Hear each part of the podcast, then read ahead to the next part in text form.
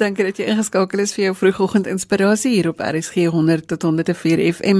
Ons gesels elke Sondagoggend geloofsake, kerksake en godsdienst tot net so voor die 8uur nuus. Die program is Sondagjoernaal. Ek is Liselde Brein en saam met Robin en Neil gesels ons met gewone mense oor interessante dinge. Goeiemôre, ek is Robin van der Rede.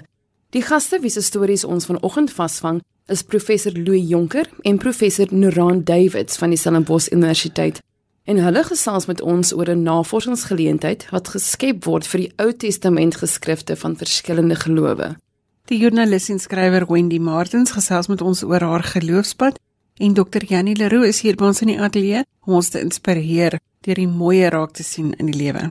Celestine Moses van Montetjie vertel ons ook oor die werk wat hulle daar in die gemeenskap doen.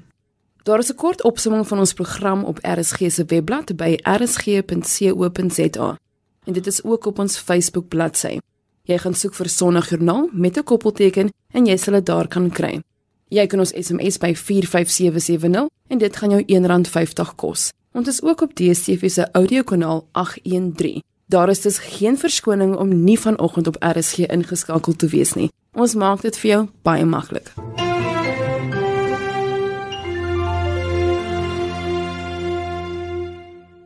Professor Louis Jonker is van die Universiteit Stellenbosch en hy spesialiseer in die dinge van die Ou Testament. Hy sluit saam met professor Noran Davids ook van die Stellenbosch Universiteit by ons aan vanoggend en ons gesels oor 'n nuwe inisiatief wat hulle SIAS noem. Môre professor Jonker? Môre Lisel. En môre professor Davids? Môre Lisel.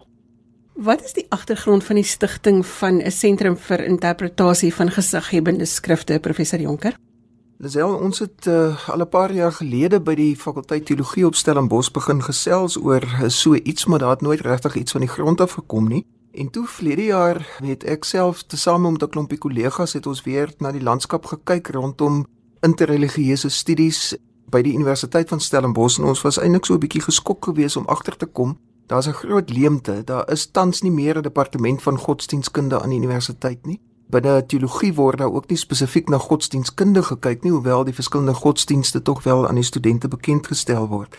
Nou, te gelykertyd daarmee is daar ook by die Nasionale Navorsingsstigting 'n geleentheid na vore gekom waarvoor mens befondsing kon aanvra en dit is naamlik om met projekte te kom wat tot sosiale kohesie in die land kan lei. En die twee goed het nou by myself en by my kollegas 'n bietjie bymekaar uitgekom om te sê dat Dit is so dikwels so dat die interpretasie van gesaghebende skrifte of in Engels soos ons dit noem dan the interpretation of authoritative scriptures eh, lei dikwels tot sosiale konflik. Jy weet en hoekom kan ons nie 'n slag ook kyk na wat is dit wat in ons interpretasie van ons geskrifte lei tot konflik en wat sou dalk kon help dat ons sosiale kohesie in ons samelewing probeer bou nie. So ons fokus daarmee spesifiek dan ook om te kyk na die interpretasieprosesse wat aanleiding gegee het tot hierdie geskrifte in die ou tyd, hoe hulle mekaar herinterpreteer, maar dan veral ook hoe hierdie interpretasies vandag daar uitsien in verskillende godsdienstige gemeenskappe. En ons gedagte is om spesifiek dan te fokus ook op die drie monoteistiese godsdienste wat in die Wes-Kaap uh, baie prominent is, uh, die uh, Jodendom as die oudste tradisie, die Christendom en dan ook Islam. Julle het reeds julle eerste beplanningswerkswinkel gehad, professor David. Wat het alles by hierdie werkswinkel gebeur?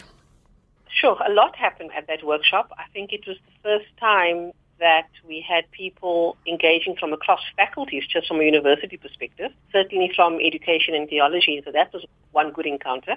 And then the other thing, more importantly, was probably the first time, certainly in my time at Stellenbosch, that I've come together with people from other faiths in a space like that. And it was really nice to engage from scholars from UCT as well and from Botswana and I think Johannesburg and just really a nice range of people. So for us, it was the beginning of something quite exciting because it's never been done before. And I often think about this term called the faculty or this faculty called the faculty of theology. And I often wonder, is it theology or Christianity? And I think that often has become conflated, not just at Stellenbosch University, but globally, when we speak about theology, we think about Christianity. And to a very large extent, it has meant that your other three major monotheistic faiths have kind of fallen through the cracks, I think.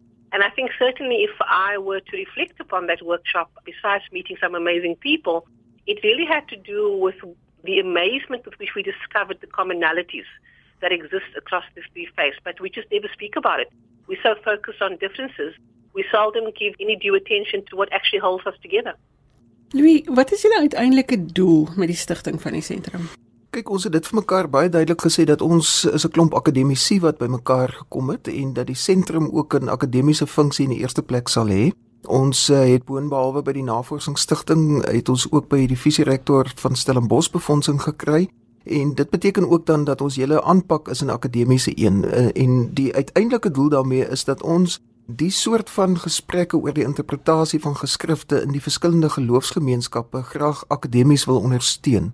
Daarom ook ek sal graag later 'n bietjie wil vertel van die eerste soort projekte wat ons graag op die been wil bring wat uh, in die eerste plek bloot wil sien weet hoe werk dit wanneer mense uit die verskillende gemeenskappe met hulle geskrifte doene geraak en dit interpreteer ook met die oog op hulle eie geloofslewe maar ook met die oog op die sosiale samesyn in die land. So die uitsluitlike doel is dan soos ek gesê het om hierdie soort gesprekke in geloofsgemeenskappe akademies te ondersteun met goeie navorsing met insigte wat ons juis ook van oor die spektrum van die drie godsdienste dan wil inwin. Dit is nou nie algemeen dat Joodse, Christen en Islam geleerdes saamwerk in 'n projek soos hierdie nie.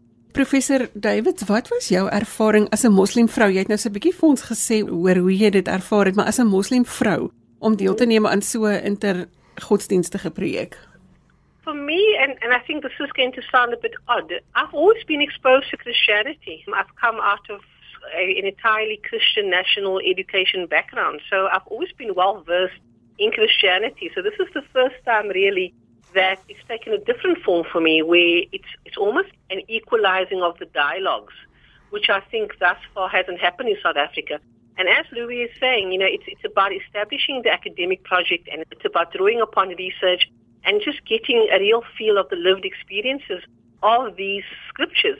But I think a lot more is going to come out of this it, because it's going to speak about social cohesion, it's going to speak about peaceful coexistence. And certainly the kinds of discussions which happened already are ones of far more willingness to learn from the other and with the other so that deeper understanding is gained.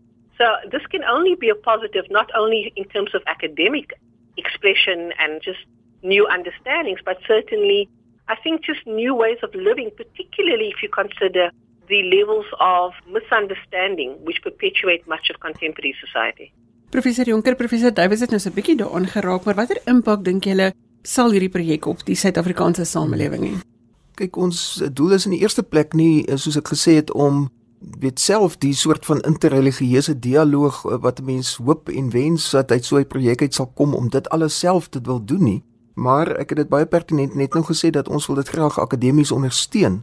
Met ander woorde, ons hoop is uiteindelik dat mense vanuit verskillende geloofsgemeenskappe belangstelling sal hê. Ons hoop dat ons uh, sentrum ook na die proefperiode van 3 jaar voortgesit sal kan word, dat ons dan selfs ook uh, projekte meer na gemeenskapskant kan begine loods wat uh, juis ook die doel is van die navorsing wat by Universiteit Stellenbosch gedoen word. Ons wil nie in ons ivoortorings daar sit nie ons wil uiteindelik die beste navorsing wat ons kan bied ook in diens van die samelewing stel. En ons hoop uiteindelik dat dit dan, jy weet, vir geloofsgemeenskappe nuttig sal wees om ook op so 'n wyse in gesprek met ander oor hulle eie interpretasieprosesse na te dink. En dan soos ons nou 'n paar keer beklemtoon het, hopelik help dit uiteindelik in die land dat mense mekaar beter verstaan dat 'n groter samesyn ook ontwikkel. Ek dink dit is so belangrik dat hierdie gesprek moet plaasvind nie net op akademiese vlak nie, maar Precies. wel ook op voedselvlak waar gewone mense met mekaar te doen het in die werksituasie mm. en om die etenstafel en al hierdie dinge. So hoe lyk julle planne vir die toekoms? Ek het nou gesê dat ons het 'n proefperiode van 3 jaar wat ons deur die befondsing bekom het en die gedagte is dat ons aan die einde van 3 jaar, dit wil sê aan die einde van 2020 wil ons dan 'n amptelike sentrum uh, oprig dit sal alles afhang van befondsing ook vir die toekoms. Vir hierdie eerste stadium het ons nou 'n gedagte om volgende jaar 'n internasionale kongres te reël. Daar is op ander plekke in die wêreld opwindende dinge aan die gang rondom hierdie tema en ons wil graag ook leer van geleerdes uit ander dele van die wêreld. Dan het ons verder het ons 'n postdoktorale projek waaroor ons opgewonde is. Ons het pas 'n Zimbabwe se persoon 'n postdoktorale aanstelling gegee wat van volgende jaar gaan begin met 'n empiriese projek waar met klein groepe gewerk sal word in die verskillende geloofsgemeenskappe en waar hulle strategieë van interpretasie gedokumenteer gaan word sodat ons dit kan begine ontleed en ook daaruit kan sien watter soort patrone kom na vore. Dan is daar ook 'n doktorsgraad student, Slindile Tabede wat ook by my gaan werk oor 'n onderwerp waar sy die figuur van Hagar in die drie verskillende tradisies met mekaar wil vergelyk. Dis interessant dat Hagar kom natuurlik in die Joodse geskrifte of die Ou Testament soos dit in die Christendom bekend staan, sowel as in die Nuwe Testament en ook in die Koran voor en verskillende voorstellings word aan die figuur van Hagar gekoppel en uh, sy gaan ook in haar proefskrif daaraan aandag gee. Dan is daar ook 'n meestersgraadstudent wat besig is om 'n studie te doen oor die frases wat mense in die Nuwe Testament dikwels kry wat sê dat hierdie is die afgeslote kanon, geen jota of titel mag meer hier aan toegevoeg word nie om ook die hele proses van kanonisering te bekyk in die geval dan binne die Nuwe Testament. Maar ons hoop ook dat ons soortgelyke studies in die ander tradisies sal kry. So vir die eerste ronde begin ons dan met navorsingsprojekte wat op hierdie wyse gedryf word en ons probeer leer van ons internasionale kollegas en dan hopelik sal ons in 2020 sal ons kan verder kyk en sien hoe dit ook 'n groter omvang kan begin aanneem. Professor Davids om deel te wees van so 'n projek, as jy nou 'n wens op die tafel kan sit, wat sal jou wens wees vir die uitkoms moet wees? Well, I think firstly, I'm very interested to read the thesis on Hajar, but we refer to it as Hajar. Yeah, yeah. Um, and, and in fact, Hajar is pivotal to one of the pillars of Islam, which is the pilgrimage. The entire pilgrimage actually focuses on the strife of Hajar, which is quite interesting. We think it's a woman that the pilgrimage is built around. So, in terms of a wish list, I think a lot more of these kinds of conversation. I think it's going to not only build communities of practices, but it's also going to, I think, give new impetus to the centrality of women in the scriptures, which has thus far been quite sedated. So I'm very excited. I'm excited about the possibility. I know it's new and it's starting out, but if I think about the kinds of conversations which happened at our very first get together, I think we can only go from strength to strength. Professor Jonker, 'n wenslys van jou kant af? My wens sal wees dat ons dit volhoubaar sou kon maak na 2020, soos ek nou gesê het. Ons sal graag die soort van projekte baie wil uitbrei. Ons sal daarvoor befondsing nodig hê en ons kan helaas nie elke keer bakkant by ons visierektor gaan staan nie. So ons gaan ook in die 2 jaar wat voorlê gaan ons ook spesifiek daaraan aandag gee om te kyk of ons ook ander institusionele befondsing sou kon kry om die uh, sentrum ook uh, voortgeset haalbaar te maak. Ons gaan ook uh, probeer kyk of ons internasionale befondsing daarvoor kan kry. En ek glo dat daar op hierdie stadium soveel entoesiasme alreeds is oor dit wat ons beoog dat ons uh, waarskynlik uh, dit sal kan voortsit, maar dit moet ons nog sien en dit staan nog op my wenslysie. Professor Davids, professor Jonker, baie dankie vir die saamgesels vanoggend. Presies, baie dankie. Dankie Lisel, totsiens Noran. En so gesels professor Louis Jonker en professor Noran Davids van die Stellenbosch Universiteit. Goeiemôre, as jy nou net ingeskakel het. Jy luister na Sondagjoernaal waar ons geloof en godsdiens gesels op RSG 100 tot 104 FM. Gesels gerus saam by 45770 teen R1.50 per SMS.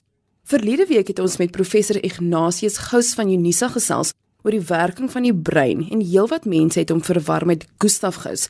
Sy net 'n regstelling dat dit professor Ignatius Gous was met wie ons gesels het. Dankie dat julle saam luister vanoggend. Christine Lou van Kraaifontein het laat weet dat sy voor die radio is. Dankie Christine dat jy na ons luister. Op Montetjie bly 'n baie besige vrou. Haar naam is Celestine Moses en ons gesels vanoggend met haar oor die werk wat hulle in die gemeenskap doen. Goeiemôre Celestine. Goeiemôre. Jy is betrokke by die gemeenskapsentrum in Montetjie en jy en jou man het albei 'n bediening daar. Hoe lyk julle gemeenskap? Ons gemeenskap is besig en as egpaar en pastoorspaar het ons ons hande maar elke dag vol om die werk van die Here en ook die werk van die gemeenskap te doen. Wat is die uitdagings van julle gemeenskap Celestine? Ek dink ons sit met verskillende tipe uitdagings. Ek dink oral weer is dit maar die die drank en die alkohol en die tik wat lees daar oorneem in ons gebiede. So jy sit met daai daaglikse uitdaging waar jy moet advies gee, raad gee, mense wat gedurende deur by jou kos soek en hulp soek. So met die Here moet 'n mens maar op alle gebiede aan hom aandag gee. Jy is ook deel van die Mamma Afrika projek. Vertel ons daarvan. Ja, ek is in 2007 as ek gekiet as Globe Mama Afrika. Ons is deel van Globe se sosiale projek waar vroue bemagtig word om in hulle gemeenskappe verskille te maak. So ek is hier in Montetjie, Ashbury in die Weskaap. En wat is dit wat julle doen? Ons doen verskillende tipe projekte. Soos byvoorbeeld daar is bakkeryprojekte, naaldwerk, koolwerk, ons doen sweetwerk ons doen mosaïek ons werk met gestremde kinders verwaarloosde vroue kinders wat deur ouers weggegooi word en dan ook met uh, ou mense en dan moet jy op elke kursus wat jy gaan, moet jy terugkom en jy moet dit aan jou gemeenskap oordra. So jy moet terugvloeg dit wat jy kry in jou gemeenskap. En wat is jou ervaring? Help dit mense om 'n bietjie gesond te word of om 'n bietjie rigting te kry as hulle deel word van hierdie projekte? Ek dink dit help ons mense op baie verskillende maniere. Ek dink 'n positiewe verhaal wat ek het, ek het 'n vrou gehad wat saam met my gewerk het. Vir meer as 5 jaar was sy 'n alkoholist en ek het haar toegelaat om te kom baie keer dronk te kom werk en ek het haar altyd weer aangespoor en vandag is sy 5 jaar sonder alkohol ons het haar die kans gegee en die geleentheid gegee om iets te doen en net te glo dat daar is iets goed in elke mens en ek dink ons het 'n vroutjie wat by ons naweek projek ingeskakel het en vandag kan sy haar eie besigheid doen. So daar positiewe goed en ek weet dat dit maak 'n groot impak op verskillende mense in die gemeenskappe. Celestine, watter rol speel geloof wanneer jy jou oë oopmaak elke dag? Wat is die rol van geloof in dit wat jy doen? Ek dink daar's 'n gedeelte in die Bybel sê dat geloof is 'n vaste vertroue op dit wat ons nie kan sien nie, maar dit wat ons ontplooi en ek en my man as produkte van geloof, van sonder geloof kon ons nie hierdie pad stap nie. Ek dink ons het verskillende mense wat deel bydra tot die sukses waar ons vandag is. Maar sonder die Here sê Psalm 127 is alles te vergeef en net God kon ons deur al hierdie maar daar's so baie goed wat jy deurmaak in jou gemeenskap en elke dag as dit net jou geloof in die Here wat jou deurdra. Wat ek veel vandag gaan sê is dat ek sit in 'n gemeenskap wat so pragtig is en ek is vir die Here so dankbaar vir die rol wat ek vir die 18 jaar in ons gemeenskap speel en ek besef dat nie net het ons gemeenskap gegroei nie, maar ek as vrou het ook gegroei en, en ek kon, kon myself in die Here vind. Ek kon die goeie gawes vind wat die Here in my weggebeer het en daarvoor kan ek net aan die Here al die eer gee omdat ek besef dat ja, ek face baie goed, maar dit laat my groei en dit maak my sterker want my ouma het altyd gesê wat jou nie doodmaak nie, maak jou sterker. En die rol van gebed, Celestine in jou lewe? Gebed in ons kerk is 'n groot bord wat my broer en my man opgesit het, gebed vir ander sake. En ek kan jou vandag sê waar ek vandag is, is dit net gebed wat my teergedra het om elke dag konstant met die Here in aanraking te wees en net om te vra om my dag vir dag deur te dra met die krag te gee en die genade om aan te gaan kan ek net sê dat werklik waar gebed het my lewe verander gebed het my gemeenskap verander gebed het my gesin verander en gebed het ook ons bediening glory lane verander so gebed speel 'n baie groot rol in my lewe En wat is jou boodskap vir Suid-Afrika in hierdie tyd wat ons aftel na Kersfees toe? My boodskap aan Suid-Afrika sal wees is dat soos ek gesê het, Psalm 127 sê, gaan hierdie Kersgety in met die wete dat sonder die Here is alles te vergeef. Ons kan uitsien na die kos en die lekker samesyn, maar dat ons nie vergeet die man wat gebore was vir ons en wat hy ook alles moes deurmaak vir ons nie. En as ons nie hom erken in alles wat ons doen nie, sal ons se planne nooit suksesvol wees nie. Celestine, jy werk met vroue. Jy gebruik kunsprojekte om by hierdie vroue uit te kom. Wat is jou boodskap vir vroue oor die algemeen om vas te staan, om met hulle kinders te werk, om hulle verhoudings te herstel? Kry mens dit reg? Is vroue se uitdagings wat verhoudings aanbetref? Hoe dink jy daaroor? Ek dink ons kan ja, want ek dink ons het ook 'n positiewe storie met 'n jong man wat by ons gebly het en Heinrich is vandag die bestuurder van 'n liquor store by Shoprite En ek dink as vrou het die Here vir ons soveel eienskappe gegee om uit te reik na ons kinders om hulle te bereik wat die Bybel sê dat 'n kind is 'n gawe van God. Ja, ons het stout kinders in ons gemeenskappe, maar as jy enige situasie met liefde en deur die oë van die Here kyk, kan jy dit so verander want ek glo dat 'n spreekwoord wat sê jy kan as jy glo jy kan. Nou ja, ons kan seker nie met 'n beter boodskap as dit afsluit nie. Jy kan as jy glo jy kan. Celestine baie dankie vir die saamgesels vanoggend. Baie baie dankie vir jou. Celestine Moses is deel van die Mamma Afrika projek en sy is ook deel van haar man se bediening op die dorp. Op Kersdag, die oggend, lees ons 'n spesiale Kersverhaal vir die kinders. Wendy Martins het die storie geskryf, sy gesels met Lisel. Om jou verbeelding te kan gebruik is heel dikwels se mense redding. Wendy Martins is 'n gesoute skrywer van rubrieke en kinderstories en ons gesels vanoggend oor haar geloofservarings. Môre Wendy. Goeiemôre Lisel, dankie vir die geleentheid om te kan gesels. Wendy, ons gaan op 25 Desember die storie lees van Kerniels en die Kersfeesengel. Kom ons begin by jou inspirasie vir stories, soos byvoorbeeld die Kersfeesengels. Waar begin 'n mens? Weet jy Lisel, dit bly altyd vir my 'n proses van verwondering kies nooit die storie nie. Die storie kies my. Put inspirasie uit my onmiddellike leefwêreld. Klein dingetjies wat rondom my gebeur. Daar's so 'n mooi aanhaling wat sê life is a series of tiny little miracles. Notice them. Nou, daai klein goedjies wat gebeur, voed my gees. Ek sien iets of ek hoor iets soms is dit net 'n enkele woord wat reguit na daai hol kolletjie hier op 'n mens se maag toe vlieg. Die Engelse praat van na jou kor toe vlieg. En as daai woord of daai ietsie wat ek raak sien, my gevoel gee soos wanneer 'n mens klein tyd teen die hoogste glyplank in die speelpark afgaan, dan weet ek dit beteken iets. Ek weet nog nie wat dit beteken nie en ek weet nie waar ek dit kan gebruik nie, maar ek weet hy word in 'n stoortjie gebeere. En dan mettertyd vorm daar 'n soort nesie hier in my binnekant.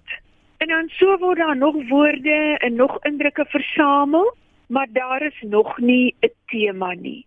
En dan op 'n later stadium, dan begin daar sinne in my onderbewussyn na bo dryf.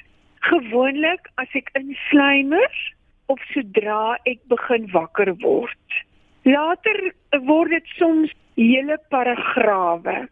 En dan kom ek agter maar hier ontwikkel nou 'n tema. Ek skryf dit neer en dan begin ek legkaart bou. Dit werk nie altyd so nie, maar meeste van die tyd en dan begin die storie vorm aanneem. Met Kerneels het ek glad nie geweet die boek gaan 'n engel tema hê nie. Daar was net die heeltyd hierdie 8-jarige seun in my klas toe ek nog skool gehou het op Stellenbosch en sy ma het nagskof by 'n winkelsentrum gewerk. En hy het die vlammetjie vir die storie gebring. Die heel eerste bladsy in die boek. Ek dink die woorde is Kerneels is 8 jaar oud, hy's lank en maar met kort geskeurde hare en 'n stuk in 'n groot toon. Kerneels hou van roeties en makaroni en sy ma se waterblommetjie Bredie en partykeer is hy skaam al probeer hy om nie te wees nie. Daai deel het ek gehad.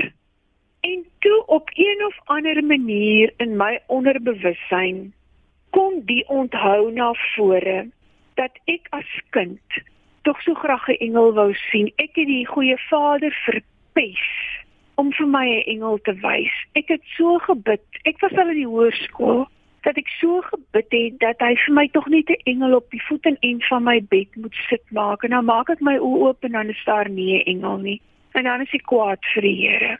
Maar op 'n manier het hierdie twee temas bymekaar uitgekom. En so het Kerneels en die Kersfees engel ontstaan. So dis die lekker storie waarna ons kan uitsien Kersfees oggend 20 voor 7 vir die jongspan. Wendy, wat is die rol wat geloof in jou lewe speel? Ek kan nie sonder my goeie vader nie. Ek het 'n ma en 'n ouma gehad wat geglo het en ek het 'n ouma grootjie gehad wat ek nooit geken het nie, maar my ma en my ouma het vir my vertel sy het baie maande lank op Gamka in die plaas sy siek gelê, sy was bedlêend en my ma het altyd gesê ons is so gebless want ouma Nonnie het vooruit vir ons almal gebid. En ek glo met my hele hart, ek stap nog vandag in die slipstream van ouma Nonnie se gebede.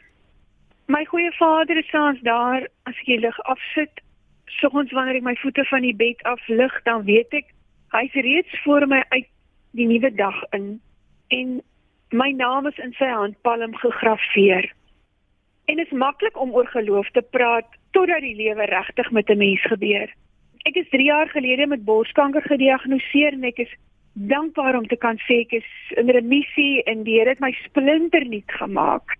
Maar as jy in die chemostoel sit en jy kyk hoe daai rooi koktail so in jou lyf wegraak en as die radiologie personeel uitstap nadat hulle jou afgemerk het en die masjiene ingestel het en hulle maak twee stelle deure aan die einde van daai tonnel toe en jy bly agter en hulle praat met jou oor 'n interkom dan is dit net jy en God en dis dan wanneer jy besef hy jou soos Moses met sy hande in die klipskeer toevou en jy veilig is.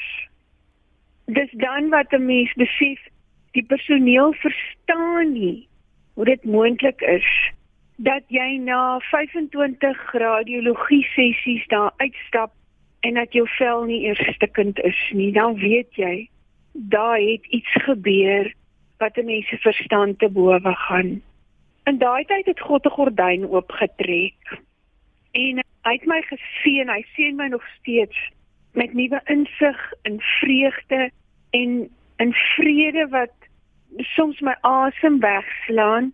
Ek raak nog kwaad oor goeie. 'n Mens bly mos maar mens, maar daar's vrede wat 'n mens voorheen nie gehad het nie. Dit beteken nie die lewe is 'n permanente pina colada op 'n strand nie, maar die verskil is ek kan sê ek het aan die soem van God se kleed geraak en die skepper van die heelal is my pa. Dis so 'n bemoedigende storie Wendy. Wat is jou Kersfeeswens vir Suid-Afrika? My wens is en ek is mos nou maar iemand wat 'n hart vir die ander dalk het. My wens is dat elke Suid-Afrikaner wat nie 'n stem het nie, dis se behoeftes net nooit gehoor word nie. Gedurende hierdie Kerstyd op 'n wonderbaarlike wyse iewers deur iemand gehoor sal word en die vreugde van erbarming op een of ander manier sal ervaar en dat ons wat wel 'n stem het sal stil word en lank genoeg sal stil word om waarlik met ons harte te luister. So 'n positiewe boodskap om mee af te sluit. Wendy baie dankie vir die saamgesels vanoggend. Dankie Lisel en 'n mooi dag vir julle. Lisel was in gesprek met Wendy Martins. Jy luister na Sondagjoernaal vir die wat sopas by ons aangesluit het. Ons gesels met mense oor hulle leefwêreld en hoe geloof 'n verskil maak. Jy kan saamgesels op ons SMS-lyn by 45770 teen R1.50 per SMS of gaan los vir ons 'n boodskap op Sondagjoernaal se Facebook-bladsy. Jy sal sommer ook ons gaste se detail daar kan kry. Om mee af te sluit, gesels ons met Dr. Janie Leroux hier by ons in die ateljee. Dis tyd vir ons inspirasiespasie. So ons gesels vanoggend met Dr. Janie Leroux. Hy is 'n inspirasieskrywer en spreker en sommer ook ons inspirasieguru hier by Sondagjoernaal. Goeiemôre Janie. Hallo Lisel, hallo Robin. Janie, jy inspireer ons vandag met die tema soek na die mooie. Wat het jou daaraan laat dink? Twee situasies. Die een is 'n preek wat ek gemaak het na aanleiding van die verbondstent of terwyl die tabernakel wat deur die volk van God saamgeneem is op hulle reis na die beloofde land. Dit was so 'n tenttempel wat saamgegaan het en dan slaan hulle die ding op wanneer hulle God wil aanbid. Hulle kon dit as teken van God se teenwoordigheid beleef. En die tempel het twee vertrekke bevat. In die eerste een wat die heilige genoem word, het die kandelaar en die tafel met die offerbrode gestaan. Aan die ander kant van hierdie heilige, soos dit genoem is, was daar 'n gordyn en dit is genoem die allerheiligste. In daardie vertrek het die goue reukofferaltaar gestaan en ook die ark van die verbond wat heeltemal met goud bekleed was. Die ark was 'n heilige kus Binne in die ark was die goue kruik met manna wat hulle in woestyn gekry het, ook Aaron se kierie wat gebod het en die kliptablette van die verbond waarop die 10 gebooie gegraveer was. Nou dit was als daar binne in daardie ark. En wat dit nog meer merkwaardig was, is bo-op die ark het die glansende gerubs of terwyl engelewesens die deksel van die ark met hulle vlerke oorskadu. Met alles so ingerig het die priesters gereeld in die voorste vertrek van die verbondstent ingegaan en hulle dienste daar verrig. Maar daardie agterste vertrek, die allerheiligste, kon net die hoofpriester ingaan en dit net een keer per jaar, boonop altyd met bloed wat hy aan God moes offer vir sy eie sondes, sowel as vir die sondes wat die volk begaan het. Dink jy is hierdie verstaan van die verbondstent dan vir ons so belangrik om die mooie te kan soek? Wat my weer getref het is dat God ook die allerheiligste vir ons toeganklik wou maak, sodat ons naby en intiem en persoonlik met God self kan kommunikeer en in 'n persoonlike verhouding met God kan wees. Daarom sê Hebreërs 9 vers 11: kom Jesus Christus as die hoofpriester om ons deel van hierdie diepste verhouding met God te maak. En hoe doen hy dit? Jesus gee sy lewe as 'n offer sodat ons elke dag en elke oomblik, ja, elke sekonde direk met God kan praat en wees. Hy offer homself sodat ons skoon en rein verklaar kan word om so God se teenwoordigheid en God se nabyheid op te soek en te beleef. Hy doen die offer van sy eie lewe eenmaal sodat ons nie weer telkens hoef offers te bring nie, maar net om vergifnis kan vra. En wat my getref het, ek het so daaroor gedink, die allerheiligste wou ek stel as die mooiste mooi, want dit was daai diepste geheimenis van ontmoeting, die misterie daarvan om saam met God in daardie deel te wees eenmal 'n een jaar. En daai deel het oopgegaan danksy Jesus. So ons kan God se teenwoordigheid nou oral soek en beleef. Dit is nogal besonder om weer te onthou dat ons nie altyd direkte toegang tot God gehad het nie, maar dat Jesus dit vir ons kom moontlik maak het. Janie, daar was 'n tweede ding, 'n tweede situasie wat aanleiding gegee het tot hierdie tema van soek die mooie. Vertel ons iets daaroor. Ons was onlangs met vakansie in Kroasie en soos ek vroeër vir jou genoem het, dit was 'n nou deel van 'n wonderwerk wat in ons lewe gebeur het. En wat my opgeval het, so baie fotos ons neem, maar dis baie interessant. 'n Mens neem eintlik net fotos van wat vir jou mooi is. En ek het besef ek moet 'n paar ander fotos ook afneem, die wat nie so mooi is nie. Want ons doen moeite om die kamera te rig op dit wat vir ons mooi is. Nou is interessant die positiewe sielkunde laat weet, as ons fokus op skoonheid, die mooie, dan voel ons gelukkiger, ons voel voller van vrede en ook van vreugde. Met die oopmaak van die allerheiligste, nooi God ons in na die mooie, na die hart van God, sodat ons soos God in alle situasies die mooie kan indra en ook kan raak sien.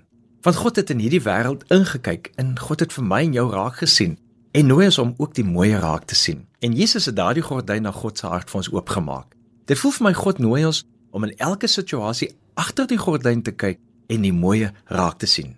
So kom ek gee 3 P's om ons daarmee te help. En dit is nou passie, potensiaal en posisie. Ek gaan net vinnig oor passie gesels.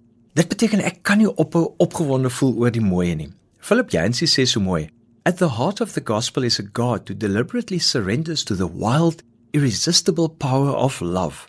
Passie is dit waar jy opgewonde voel. Jy voel so vol liefde daarvoor, jy gee alles vir daardie liefde. Nou is interessant toe ek begin blaai oor die woord passie, dan gee die meeste woordeboeke op die internet die koppeling tussen dit wat 'n sterk en skaars beheerbare emosie aan die een kant is, maar ook die lyding en dood van Jesus aan die ander kant is. En dis vir my so mooi dat die lyding en dood van Jesus as passie, die passie in ons wakker maak van die diepste emosies vir iets. So Die punt is, soek die passie. Anders gestel, soek die mooie en ek wil dit 'n hoofletter mooie maak. Waar jy opgewonde voel en ervaar iets van die allerheiligste teenwoordigheid van God. Soek dit wat energie gee. Laat dit wat onbillik en verkeerd is in die samelewing jou aanspoor om oplossings te soek. Kyk weer na jou probleme en vra, wat kan ek hiervan met my besondere passies hanteer? Byvoorbeeld my passie is om te skryf en iets nuuts te leer. So as ek 'n probleem ervaar, sal ek gaan nalees daaroor en iets nuuts leer en dan daaroor skryf. En so voel ek God se allerheiligste teenwoordigheid in hierdie passie van my. En dan deel ek dit met ander mense soos ek ook nou doen. Ek herinner my aan die Oscar wenner fliek The Chariots of Fire wat handel oor die sendeling Eric Liddell wat nie op die Sondag wou deelneem nie en toe 'n wêreldrekord loshardloop in die 400 meter. En in daardie fliek sê hy weer, God made me fast and when I run I feel his pleasure. Nou as jy die fliek gesien het, sal jy sien hy gooi sy kop so agteroor. Jy kan op YouTube ook natuurlik gaan Google. Wanneer jy jou diepste passie uitleef, voel jy daai mooie, voel jy God se plesier. So die passievraag is, wat is die mooie in hierdie situasie waaroor God my nou passievol kan laat voel? Ek hou nogal daarvan dat passie ons help om die mooie raak te sien, maar jy het ook genoem van potensiaal. Ja, potensiaal help my om nie op te hou dink aan die mooie nie. Ons het onlangs 'n klein seun bygekry En nou die mannetjie besluit hy slaap nie gereeld nie en hy huil van krampe. Nou ek weet nie of dit sy eie besluit is nie, maar dis die realiteit. Beteken dit dat ons kinders hom nou in die vullisblik gaan gooi? Natuurlik nie. Van min slaap en depressie mag mense soms so voel om dit te doen, maar dan moet hulle asseblief gaan hulp soek want dit is net daai onderbroke slaap wat dit vir hulle nag maak. Maar wat gebeur? Omdat hulle lief vir hulle kindjie is, druk hulle deur. Want ons as ouers beleef die potensiaal van wat kan gebeur. Ons kan nie ophou dink aan die mooie nie en ons sien dit aan mekaar in hierdie klein mensie wat in ons lewe verskyn het. Paus Johannes die 13 het gesê: "Consult not your fears but your hopes and dreams. Think not about your frustrations but also about your unfulfilled potential. Concern yourself not with what you tried and failed in, but with what is still possible for you to do." Vir my is die mooiste potensiaal waar ons iets optel en dan kreatiwiteit gebruik om iets anders daarmee te maak. Tydens ons eredienste gee ons vir kinders inkleer prente wat hulle kan inkleer. En weet jy, ek sit nou die dag en dink en besef, hulle hoef nie tussen die lyne te bly nie. Kreatiwiteit en daardie uitleef van potensiaal beteken hulle teken iets anders by die lyntjies wat ons vir hulle gegee het en dit maak dit net soveel meer en mooier. So, teken kleurvol in jou lewe rondom dit wat jy ook doen. En soms help as die mense sê make-up ook nogal daarvoor. En ook hierin is God se allerheiligste oop. So die vraag is, wat is die potensiaal waarmee God die mooie kan ontsluit in hierdie situasie? Ek sien jou glimlag oor dit ek nie vanoggend grimering aan het nie. Dankie daarvoor Janie. Ek dink mense voel oor tye is dat hy wanneer hulle vasloop en hulle sukkel om te ervaar dat daar wel mooi is. Daar's beslissende tye. En sulke tye dink ek moet jy jou posisie verander. En dis die derde P naas passie en potensiaal wat ons help om die mooi raak te sien en te waardeer. Soos genoem het ons nou fotos geneem oor see van hierdie heerlike vakansie wat ons beleef het. Maar telkens moes ons ons posisie verander om daai mooie vas te vang. Want dikwels is dit die lieflikste ou gebou, maar vir die mense daar is dit hulle woning. So dan sit hulle sommer 'n ligversorger op 'n opsigtelike plek en die elektriese drade hang sommer so voor oor die voordeur en in in plekke waar jy nie sou dink jy sou nou dink die mense moet dit goed wegsteek. Maar vir hulle is dit hulle lewenswerklikheid. Hulle sien dit elke dag. Vir ons is dit iets baie spesiaal. Dis soos ek baie keer vir mense sê oor Venesië. Venesië dop die goed af en alles ons sê o, sprentjie mooi, maar hier in Suid-Afrika, oomblik as iets dit doen, dan sê jy versorg nie jou huis nie. Maar ons moet gereeld ons posisie verander om die mooie vas te vang. Nou die positiewe sielkunde leer ons dat om die mooie te waardeer, vind ons die positiewe in die lewe. Die Ierse digter W.B. Yeats sê dit vir my baie mooi. The world is full of magic things, patiently waiting for our senses to grow sharper om nader aan God te wees en die mooi te beleef, moet jy soms jou posisie verander en net nader beweeg. Soms moet jy op jou knieë gaan om iets van die nabyheid van die mooi te beleef. Soms moet jy verby die lelike fokus om die mooi raak te sien. Soms moet jy op jou maag lê. Ander kere lê jy op jou rug om 'n ander perspektief te kry. Soos mense dikwels doen as hulle na die sterre net eenvoudig lê en kyk en besef, waar pas ek in hierdie prentjie in? Dalk moet jy in 'n woud vandag gaan loop of dalk net in 'n leë kerk gaan sit. So verander net jou posisie. Ek dink dis waarmee Kerstyd ons help om ten minste eenmal 'n jaar vir ons te herinner om oop te wees om geskenke te mag ontvang en te mag gee. Om weer te besef dat Jesus eers 'n baba tussen ons was. Kyk, dis aan my posisie skuif. Want die allerheiligste word oopgemaak sodat Jesus as 'n baba by ons kom woon en by ons kom leef en werk. So God het posisie verander deur van die hemel na die aarde te kom en by ons teenwoordig te wees. En sy belofte, ek is nog steeds by julle teenwoordig. So die vraag is, watter posisie skuif moet ek maak om in my lewe, maar veral ook in hierdie Kerstyd, die mooie van God weer raak te sien? Ek is seker deur te kyk na die passie, die potensiaal en die posisie, gaan ons iets meer van die allerheiligste God ervaar. Baie dankie vir die saamgesels vanoggend. Baie dankie. En met daardie boodskap is ons aan die einde van vandag se Sondagjoernaal. Onthou, jy kan ons ook op potgooi kry op RSG se webwerf by rsg.co.za. Ons gaste vanoggend was professor Louis Jonker en professor Nuran Davids van die Stellenbosch Universiteit. Wendy Martins, Celestine Moses en Dr. Janie Leroux. Volgende Sondag is ons weer hier op dieselfde tyd met nuwe stories uit die wêreld van geloof en godsdiens.